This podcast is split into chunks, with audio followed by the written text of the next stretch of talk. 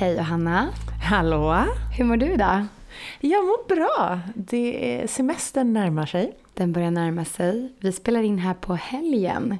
Lite i förebyggande syfte för att kunna slänga ut några poddar i etern Mm. under sommaren.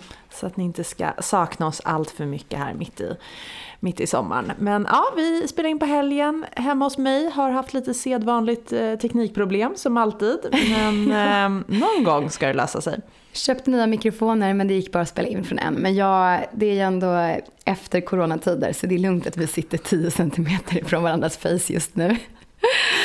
Ja, jag gjorde en liten förebyggande tandborstning också. Skulle jag också kanske ha gjort här. Men, Men, men, men, du tog en snus.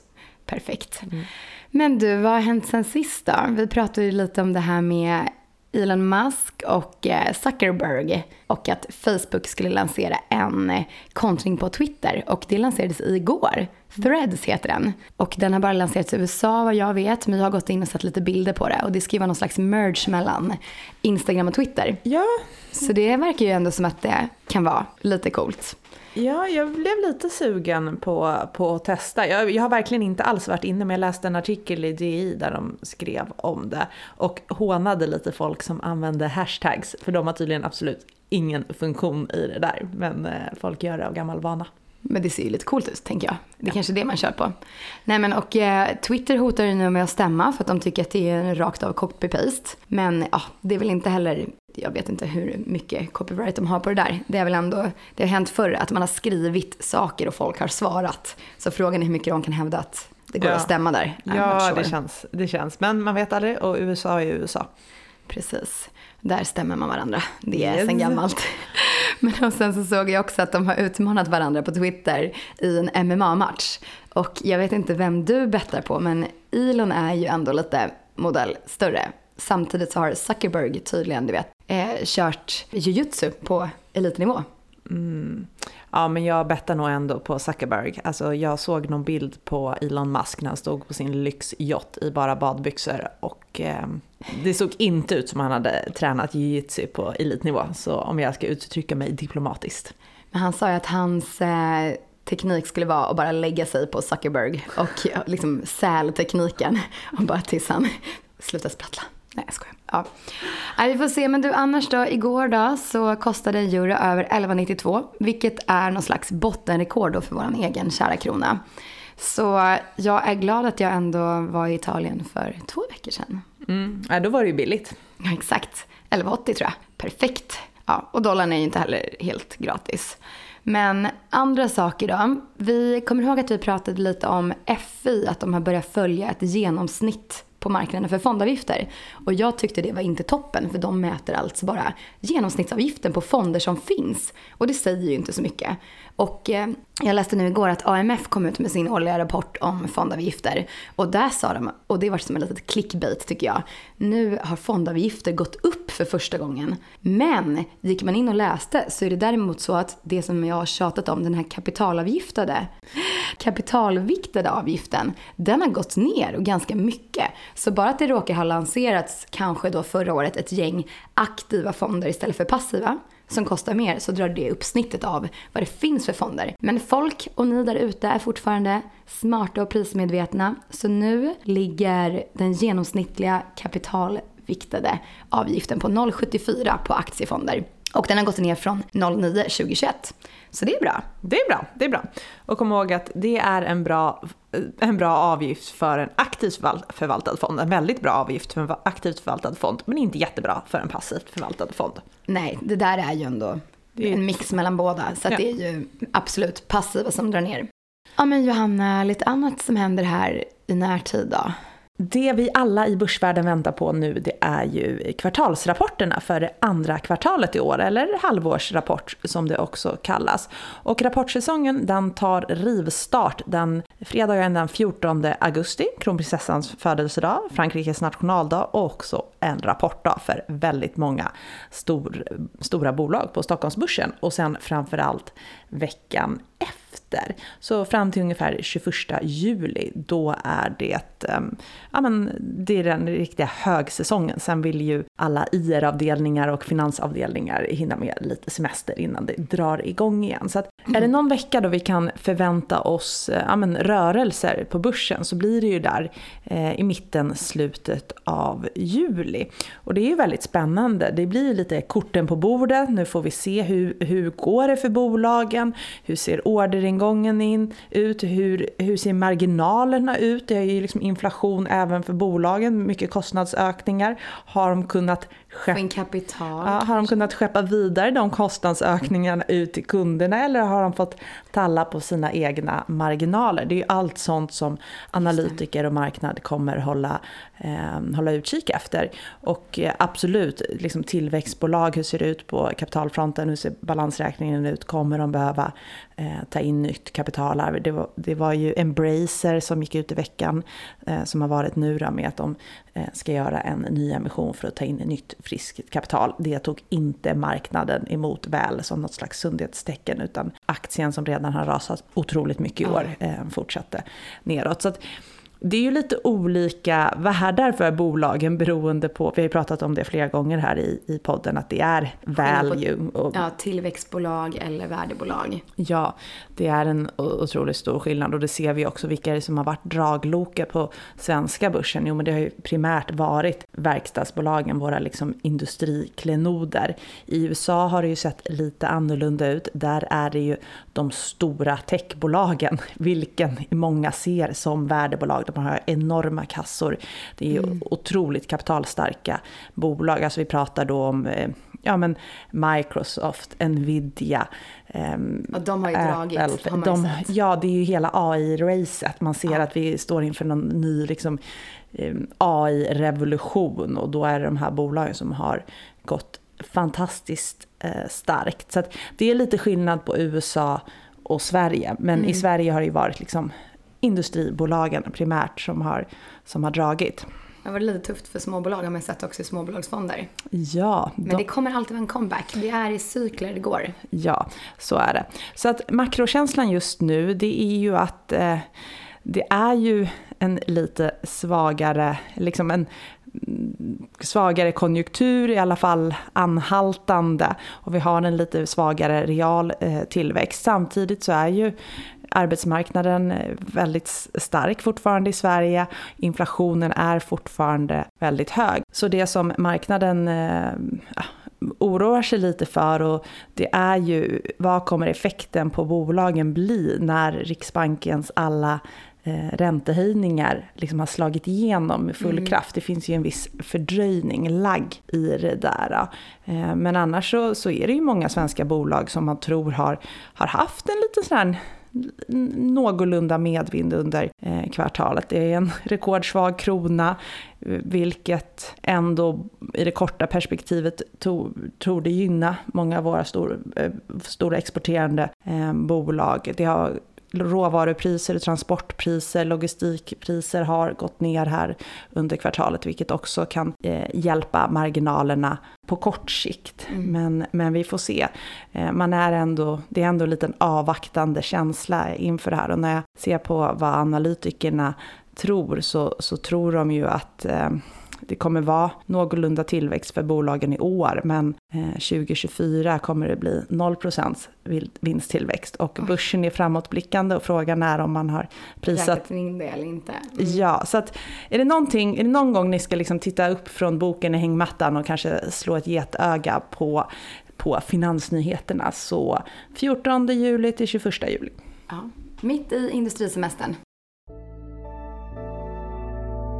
Ja men Johanna, superbra uppdatering på vad som händer i sommar. Och eh, jag tänkte bara att vi skulle kanske fortsätta att gå igenom de här frågorna som vi bollade med Isabella. För det är ändå rätt bra att påminna sig om en del grundläggande saker mm. när det kommer till sparande.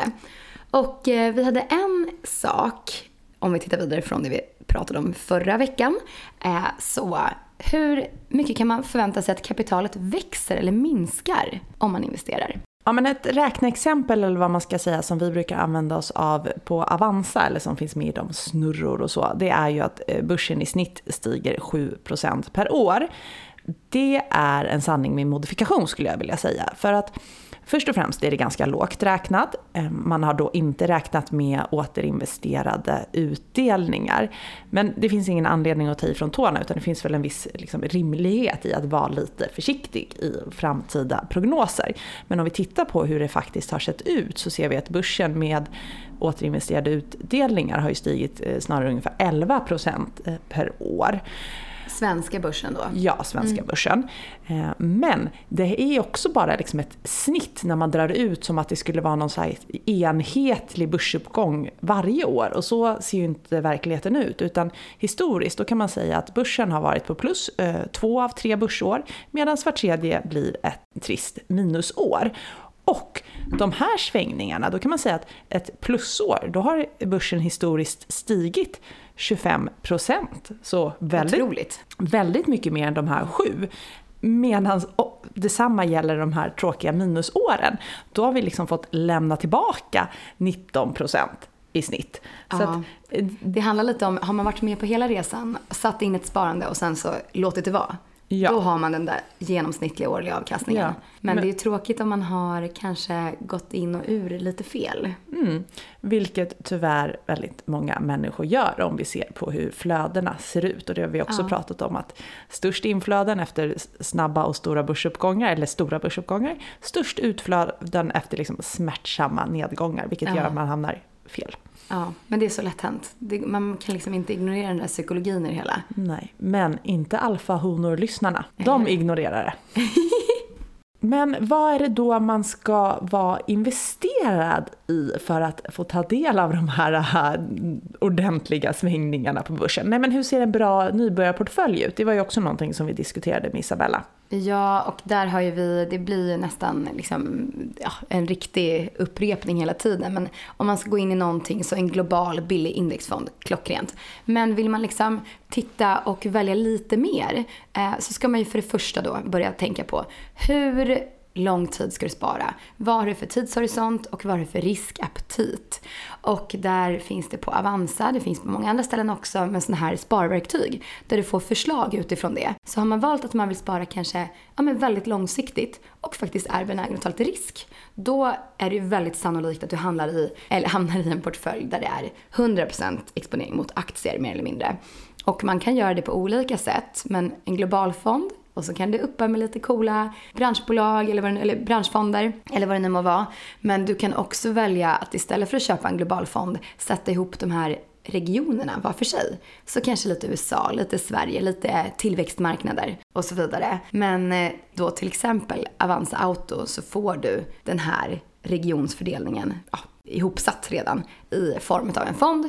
Och där är det också lite småbolag och det är till och från har det också varit lite andra alternativa tillgångslag som ja, fastigheter och råvaror. Så att det är ändå ett ganska lätt sätt. Det man också kan göra är ifall man känner att man vill få inspiration bara men sätta ihop det själv. Då kan man gå in på ett sånt verktyg och sen så kan man titta på hur fördelningen är. Bara för att få lite hjälp med men ungefär hur mycket är det rimligt att jag har i en USA-fond, i en Sverige-fond, i en tillväxtmarknadsfond, i Europa, i småbolag. Och sen så kan man välja själv där istället. Ja, och jag vet att vi har pratat om det här innan, men det är ju så att vi bor i Sverige. Vi får vår lön i svenska kronor. Vi jag kanske har en bostad här, så vi är väldigt exponerade mot svenska kronan. Och det nämnde du för inte så länge sedan alls, men det kan man ju få en bra hedge mot, som vi säger, genom att kanske ha lite mer tiltat mot att investera utanför Sverige. Så till exempel global fond, 50-60% exponering mot USA, eller bara köpa lite mer USA-fond. Till exempel. Ja. Även också i typ Avanza Auto och så får man ja. ju den där exponeringen i och med att det finns underliggande globalfonder där. Exakt. Det är bara bra att vara medveten om, men det är helt upp till en själv. Mm. Vi gillar ju också Sverige. Ja. Men så hur väljer man då fond? Ja, om man nu är inne på att man vill ha kanske då en USA-fond, då kan man ju, då, vet, då är det en aktiefond. Och om man bara backar lite och tittar på vad det finns för olika typer av fonder så har vi olika kategorier. Och det finns då aktiefonder, räntefonder, blandfonder och alternativa fonder som jag precis touchade lite på också. Och bland de här senare så är det där man hittar infrastrukturfonder, fastighetsbolag, råvaror, skog och så vidare. Men det vi också har pratat om som är, när du har valt kategori, så efter det titta på. Vill du ha en aktivt förvaltad fond eller en passivt förvaltad fond? Ska den följa index? Ja, men då vet vi vad som gäller. Då ska det vara låga avgifter på det här. Och eh, är det då en aktivt förvaltad fond, då kan man ju utvärdera den utifrån vad följer den för index och hur har den presterat jämfört det. Och sen så vill vi kanske inte ha en alltför hög avgift. Och jag tycker ju också att så här, de fonderna som har en rörlig avgift, det kan dra iväg ganska mycket. Det är rätt dyrt helt enkelt. Ja, och du kan se på en fond också vad den har för risknivå. Så ja, en liksom aktivt förvaltad aktiefond eller en väldigt spetsig fond kan man väl säga. Den har den högsta risken där det är mycket aktier i. Och då ligger den kanske på en 6-7, 5-6-7 på den riskskalan som finns. För den går från 1 till 7. Och den som har absolut lägst risk, det är väl kanske en penningmarknadsfond. Då är det en väldigt inte volatil räntefond kan man väl säga. Men då ska man ju titta på vad vill du ha för risk och hur länge ska du spara? Och det finns också någonting som heter rekommenderad sparhorisont som du kan se på din fond. Och jag tycker man blir rätt överraskad med tanke på hur vi ser flödena går ibland. Det är ändå så att de flesta fonder som är alltså, de mest populära, de har en rekommenderad sparhorisont på typ 3 till 5 år. Och det skulle jag nog säga att det är många som kanske går in och ur lite för snabbt där egentligen. Och om man då kommer tillbaka till det här med fondavgiften, så återigen jämför äpplen med äpplen och päron med päron. Är det en indexfond, då ska det vara billigt, billigt, billigt. Och vi brukar ju säga under 0,3, men jag tycker att man kan komma mycket lägre än så. Och en aktivt förvaltad fond, där kan det få kosta mer. För att den här förvaltaren lägger ju väldigt mycket tid på att göra analys och avvika från sitt index och hitta de här guldkornen som just han eller hon tror på. Man åker ju runt på bolagsbesök och har en USA-fond som är aktivt förvaltad. Då är du förmodligen där och träffar massa börsbolag. Nej, men, och då har du ju en helt annan chans till att verkligen förstå de här verksamheterna och kanske våga betta lite på att ja, men det här mindre bolaget, det tror jag på. Och du kan också, tycker jag, påverka på ett mer trovärdigt sätt. Är det så att du är en rätt stor förvaltare som är aktiv, då kanske du går på bolagsstämmor. Det gör förvisso även passiva förvaltare också. Men de här riktigt aktiva kanske kan vara med och påverka på ett annat sätt om man röstar i stämmor och så. Ja, det är ju svårt för en passiv förvaltare att påverka när, när man liksom per default är investerad i bolaget. Ja, precis så här, jag kommer rösta nej, annars så händer ingenting. nej men mm. Eh, man ska inte dra gränsen när det kommer till det här med avgifter, att jag tycker att 1% känns dyrt. Utan det är helt okej faktiskt för en aktivt förvaltad fond. Och även 1,5%. All avkastning är efter avgifter. Så det måste vi komma ihåg. Och som sagt 0,3 typ max för en indexfond. Nej men Johanna, om vi rör oss ifrån det som är ah, min lilla ögonsten fonder och till aktier. Hur kan man utvärdera sin aktie? Nu om vi tänker på att så här, det kommer en rapportsäsong. Men hur vet vi verkligen att de här bolagen presterar eller vad kan man titta på egentligen på en aktie? Ja men det man kan titta på då, framförallt i så rapporter som kommer nu då, det är hur ser omsättningen ut, alltså hur ser bolagets försäljning ut? Har man ökat försäljningen gentemot eh, föregående kvartal och eh, framförallt gentemot eh, motsvarande kvartal förra året. Det finns ju vissa säsongsmönster för en hel del bolag så att ibland är det bättre att jämföra med, med förra året, samma kvartal. Så det är ju liksom, hur ser tillväxten ut? Och är det organisk omsättningstillväxt som kommer sig av att man då alltså ökar sitt redan befintliga försäljning eller har man eh, köpt bolag som har gjort att omsättningen ökar? Det är ju också en sådär väsentlig fråga att, eh, att kika på. Så att det är ju någonting. Eh, sen så, vi, vi är alla intresserade av vinsten. Det är ju liksom till syvende och sist det som antingen kan återinvesteras i bolaget eller delas ut till aktieägarna och som säger någonting om bolaget bolagets lönsamhet. Så vinsttillväxten och marginalerna där har man kunnat hålla samma marginaler som tidigare eller finns det en marginalpress och har den marginalpressen pågått i ett antal kvartal ja, eller år till och med, ja, men då, då är det ju någonting som, som kanske säger att bolaget står eller är mitt uppe i någon slags liksom, eh, förändring där man inte mm. kan, där man antingen möter högre kostnader eller man har svårt att ta ut eh, den typen av priser man kunde tidigare. Då får man grotta ner sig lite i det. Mycket handlar ju om att lära känna ett bolag, kanske följa det i ett antal kvartal eller år. Eh, för det, då, då, kan man ju också se nyansskillnaderna. Vad skriver de i VD, vad skriver VD i VD-ordet som är längst fram i rapporten nu? Vad mm. skrev mm. de förra året och så? Och är det någon ändring i tonalitet och har man kunnat leva upp till sina liksom, tidigare löften och så vidare. Sen så finns det ju såklart också en, en hel del liksom nyckeltal att ha koll på när man ska jämföra bolag med varandra. Och precis som med fonder så ska man ju vara där, där vara lite noggrann med att man jämför äpplen med äpplen. Det kan ju vara relevant att eh, jämföra ett bolag i en bransch med andra bolag i den branschen. Sen kan det ju vara så att vissa branscher, sektorer är man inte alls intresserad av för man känner att det där är för hög risk och det är för dåliga marginaler och liksom, det är svårt. Ja, men, flygbolag som ett typiskt exempel. Ja. Det finns ju någon saying, jag vet inte om det var här vi drog, jag har dragit den. Att, Nej, jag vet inte va? Vet du vad snabbaste sättet att bli miljonär är? Ingen aning. Det är att vara miljardär och köpa ett flygbolag. Jaha. Jag vet, gubbskämt. Men, äh, ja, nej, så det kan ju vara. Men anyway, när man ska då jämföra bolag med varandra så är det vanligaste nyckeltalet PE-tal. Och PE, det är en förkortning för price genom earnings. Och det används för att se, ja, för att få ett slags kilopris på mm. aktien mm. eh, kan man säga. Och price det står ju för då aktiens pris, alltså aktiekursen och earnings står för bolagets vinst. Och då tittar man ju alltså priset per aktie genom vinsten per aktie. Eh, så att hela vinsten dividerat med hur många aktier bolaget har utestående. Ehm, och så, då får man liksom vinsten per aktie. Eh, och det är ganska enkelt att räkna ut. Det är aktiekursen genom vinsten per aktie.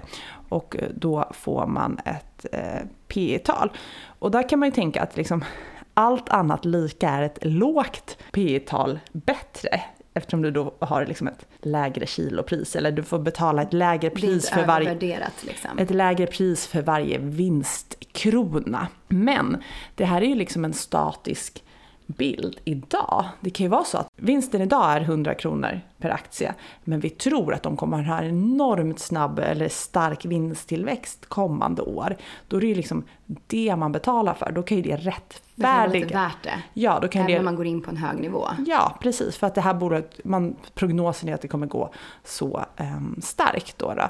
Så att, um, men om vi ska ta ett exempel, om det är en, ett bolag där uh, kursen står i um, 100 kronor och eh, vinsten per aktie är 50 eh, kronor, ja men då är ju P talet 2. Just det. För att det är 100 genom 50 är lika med 2. Väldigt, Snyggt. väldigt lågt eh, P tal Så att eh, vi kanske ska ta att istället att eh, vinsten per aktie är 10. Ja. Eh, 100 kronor, eh, vinsten per aktie är 10, ja men då är P talet 10. Även det är lågt. Man brukar ju prata om historiskt att börs, eh, Stockholmsbörsen handlas kring P15 sådär. Men jag vet inte hur relevant det är för att du kan ju ha, alltså det beror ju som sagt på sammansättningen. Det finns ju många mm. tillväxtbolag eller de här amerikanska jättarna som vi har pratat om. De handlas ju till väldigt höga P tal men de har ju också haft en så stark tillväxt. Så att det har ju varit en väldigt, väldigt bra affär för de som har investerat i den typen av bolag ja, men om vi ser Meta till exempel då, som äger eh, Facebook och Instagram, Instagram. då har ju de P 30. Så att det tar liksom 30 år att få tillbaka få tillbaka för det du har betalat för en aktie. Om du bara ska gå på vinsten idag. Men rimligtvis så tror man ju då att, att eh, Meta kommer öka vinsten år för år här så att det inte skulle ta 30 år. Just det. Och vi ser här att Tesla har 74,59. Ja, det var högt. Väldigt högt. Så att, eh, och, och, många av de väldigt bra investeringarna som har gjorts senaste år, det har ju varit i bolag som redan haft ett, ett högt P tal Så det är ju inte konstigt att Meta som äger Facebook eller Tesla har ett högre P tal än säg Telia. För här pratar vi om två bolag som har en liksom... En, exploderat. Ja, exploderat och ha, tros framöver ha en eh, liksom väldigt stark marknad. Medan Telia har stått och stagnerat och de har väl knappast ökat sin affär sen, eh, ja, sen de noterades 2000 i den där katastrofnoteringen där över en miljon svenskar var med. Gick precis in och bara kollade snabbt. Minus 6,58 ja. har de små liven.